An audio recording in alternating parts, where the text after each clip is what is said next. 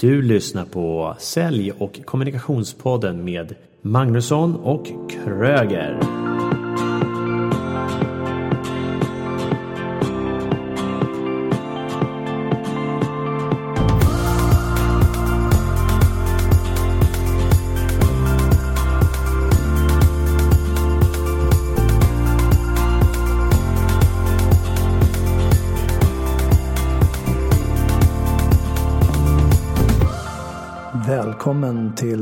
Avsnitt 7.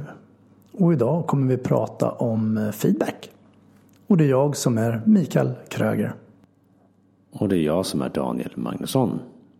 Oj då, du låter lite skrovlig på rösten. Är det någonting du håller på att träna på eller vad är det som har hänt? Ja, det är min Barry White-röst som kommer fram när jag blir lite förkyld. Men det är, det är bra och det blir bättre. Så det är lugnt. Så vad har hänt sedan sist för dig? Försäljningen, eh, prospekteringen börjar komma känner jag. Det är möten som är bokade. Jag har haft ett möte med den här personen som ville ta in mig i partnerskap. Eh, kommer ju fortfarande inte yppa någonting om det ännu. Så det är fortsättning följer. Oh, du har en liten cliffhanger där. Ja. Spännande. Mm. Och min vecka består ungefär som din av eh, försäljning, träffa kunder och eh, ringa. Jag har ringt en del kallsamtal. Och det har inte jag tyckt varit så himla kul. Men den responsen jag fått på de här samtalen har varit fantastiskt roligt. Så nu helt plötsligt känner jag så här, wow, det här kanske är någonting jag ska göra ännu mer av. Vad, vad roligt. Vad är det som gör att det har blivit skillnad då tror du? I, I din syn på det hela? Ja, men jag tror det finns det här inträdeshindret att ringa, veta att jag ska ringa ett kallsamtal och, och just responsen och kunna återkoppla till dem och uh, prata om saker som uh, har hänt för många, många år sedan med vissa som jag haft kontakt med. Och det är kul att bara säga mitt namn och en del, ja, de kommer ihåg mig och andra har ingen aning om vem jag är. Responsen har varit uh, mestadels positiv och det lockar mig till att vilja ringa mer. Hur har du blivit bättre på att ringa då? Nu jämfört med tidigare? För jag tolkar att det har blivit en förbättring. Ja, det är en väldigt intressant fråga och jag har egentligen inget svar mer än att jag valde att pressa mig själv mer. Ringa och ställa frågan till kunderna. Hej, kommer du ihåg mig? Hej, vill du köpa av mig? Ungefär så. Ja, och jag tänker att det handlar om att veta vad man ska säga. Det tror jag också att det handlar till stor del om. Och vem man ska ringa. Mm. Och varför man ringer, skälet att man ringer och så vidare. Ja, intressant. Vad är feedback då? Vad är det egentligen? Ja, feedback är ju spännande. Jag roade mig med att slå upp det på eh, synonymer. Och tittar på feedback där så står det återkoppling, återföring, återgång, tillbakaflöde, respons, gensvar och reaktion. Och blir du mycket klokare av det? Återkoppling är det enda som jag tänker på. Reaktion också. För reaktion brukar du få när du ger feedback eller får feedback. Mm. Definitivt. Jag tycker någonstans att själva ordet feedback. För mig har det blivit ett samlingsord. En del kan ju säga beröm. Vi kan säga kritik. Vi kan säga korrigeringar. Utveckling. Men för mig är det hela ett samlingsord. Feedback. Och eller så skulle vi kunna tänka oss feed forward. Ungefär som pay it forward. Hur, menar du då? Jag vet inte om du har sett den här filmen Pay it forward. Mm. Den här lilla pojken som hjälper någon och i gengäld så vill han att den personen ska hjälpa någon annan. Och på det sättet så sprider det sig framåt och sen är det ett väldigt tragiskt och sorgligt slut i den filmen. Mm. Om jag minns rätt så var det Kevin Spacey som är hans lärare och sen tror jag att det är Daryl Hannah. Men jag är lite så filmnörd men jag är lite osäker på den sista om hon var med där. Men det är en bra film i alla fall, hur som helst. Mm, Varmt rekommendation. Tänk, ja, och där tänker jag också om vi skulle tänka oss att feedbacken handlade om att istället feed forward. Om jag ger dig beröm och är väldigt specifik i det. Då tänker jag någonstans att du skulle kunna bli lite gladare. Och är du lite gladare så kanske du berömmer någon annan och på den vägen är vi och hjälper varandra till någon form av utveckling. Jag tänker ju då att vi vill gott. Det är så vi ska tänka hela tiden, att vi vill gott och framförallt som mottagare. Personen i fråga kommer och ger dig kritik eller feedback på något sätt så får vi hoppas att de har ett gott uppsåt i det hela. Och det tror jag att de flesta människor har. Ja, det, det, tror jag också. Sen så finns det ju de som kanske bara sitter och hackar och dömer för att det, det njuter de av. Fast då är det inte feedback, då är det någon form av härskarteknik istället eller någonting annat att förminska en människa eller ställa sig bättre dagar själv.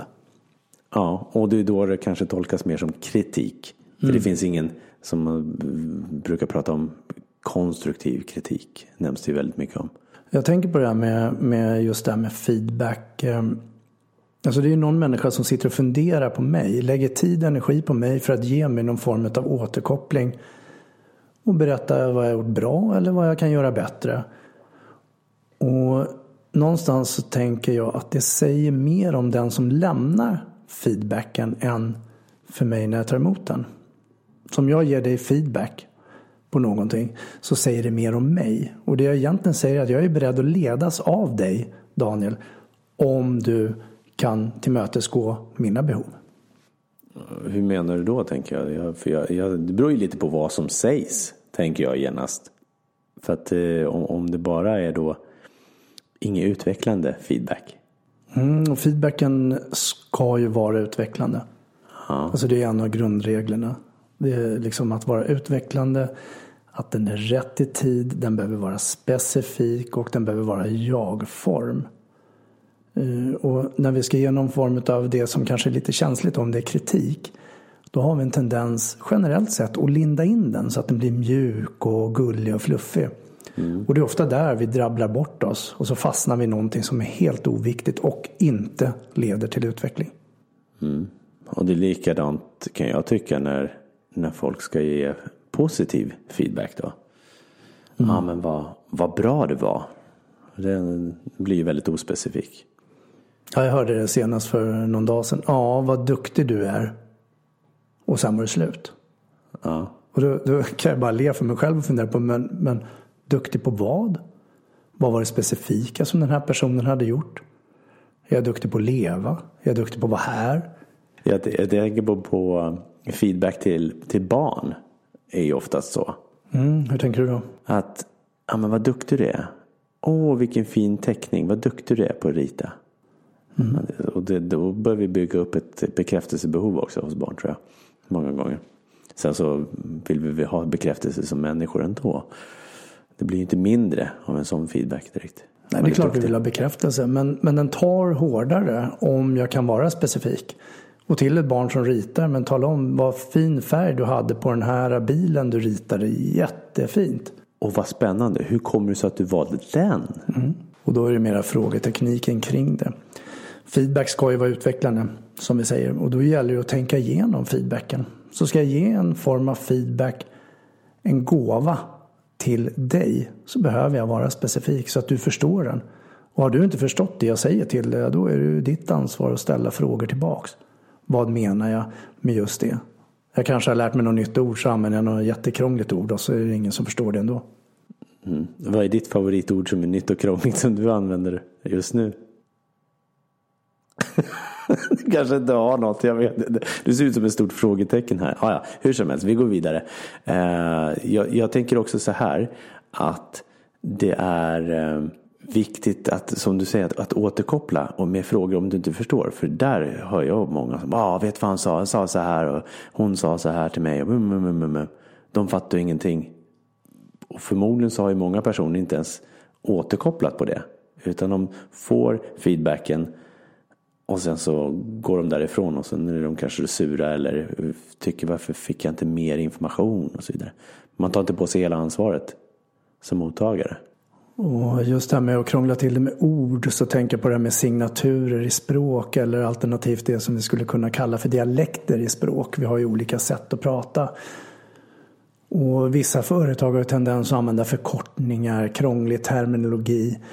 Och som utomstående så är det inte alltid lätt att förstå de bitarna. Och det kan ju vara likadant om jag kommer ny på arbete så förstår jag inte alla termer som används. Och då är det mitt ansvar att ställa frågan Hallå, vad menar du?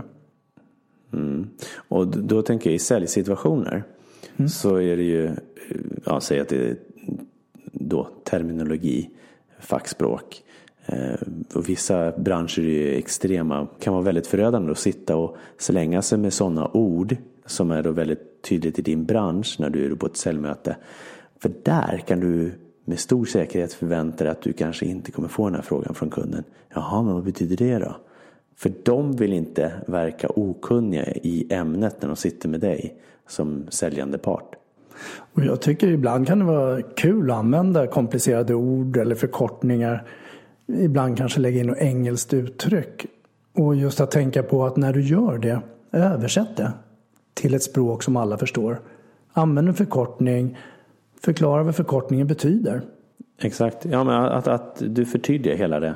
Så att om du använder det, helt klart.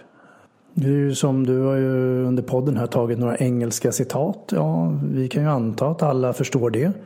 Men då väljer vi också att översätta det.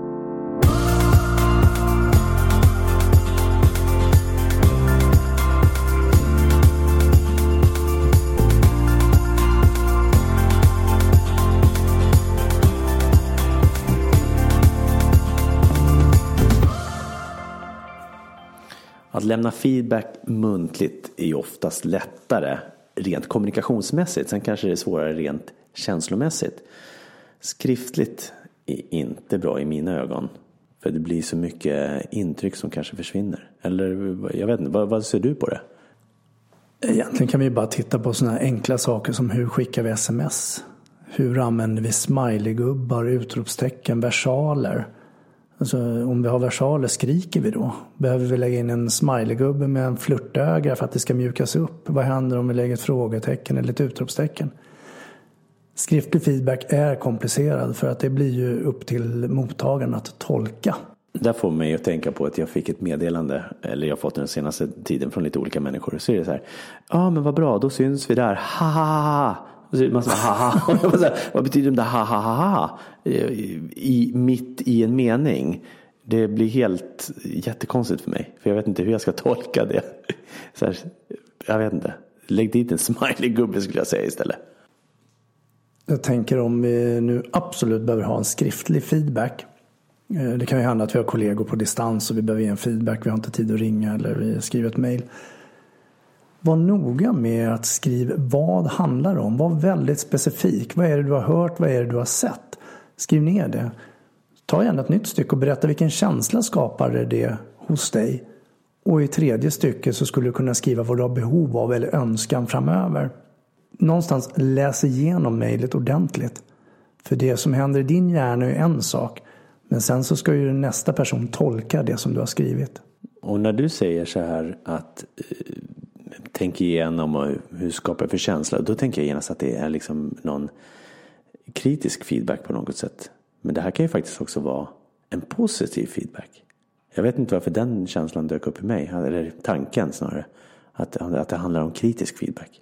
Det är ju rätt naturligt för att vi, vi eh, har ju lätt att hitta fel hos andra och såga andra människor.